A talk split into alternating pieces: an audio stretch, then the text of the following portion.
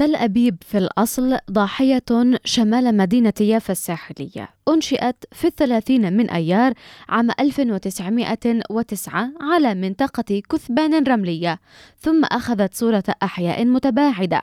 كان عدد منازلها 204 في 1914 ظلت ضاحية تابعة لمدينة يافا حتى عام 1921 عندما فصلت عن بلدية يافا وأصبحت لها بلدية مستقلة. بالنسبة للاسم كان لثيودور هيرتزل رواية خيالية تسمى ألت نوي لاند أي The Old New Land الأرض القديمة الحديثة. وعندما ترجمت من الألمانية إلى العبرية لم يجد المترجم مصطلحا مقابلا لها. فاختار تل أبيب. في عام 1909 أعلن رسميا تأسيس حي يقع شمال مدينة يافا. سمي مؤقتا باسم أحوزات بيت وهو اسم النقابة التي بنت الحي. كانت هناك تسميات أخرى مقترحة مثل يافا الجديدة ونافي يافا وأفيفا إلى أن وصلت للاسم الحالي بعد عام على الإنشاء.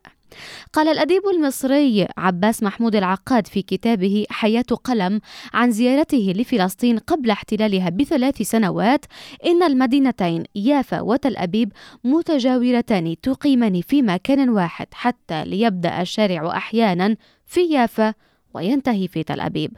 ولكن السباق بينهما سباق بين أقدم ميناء على شواطئ بحر الروم أي البحر الأبيض المتوسط وأحدث ميناء عليه. يضيف العقاد في وصف حصار يافا ومقاومتها للبقاء قائلا إن يافا كانت تعول في معيشتها على الزراعة والصناعة وعلى الميناء وما يدور حوله من حركة السفن وحركة البيع والشراء. وأقيمت في تل أبيب أيام الانتداب دور الطباعة والنشر وبعض الصناعات الخفيفة كصناعة المنسوجات والمواد الاستهلاكية والمأكولات. في عام 1950 تم دمج تل أبيب ويافا في مدينة واحدة واليوم تقوم تل أبيب وضواحيها على أراضي سبع قرى فلسطينية هجر أهلها في 1948 ودمرت بعد ذلك. لشبكة أجيال الإذاعية أسيل دوزدار.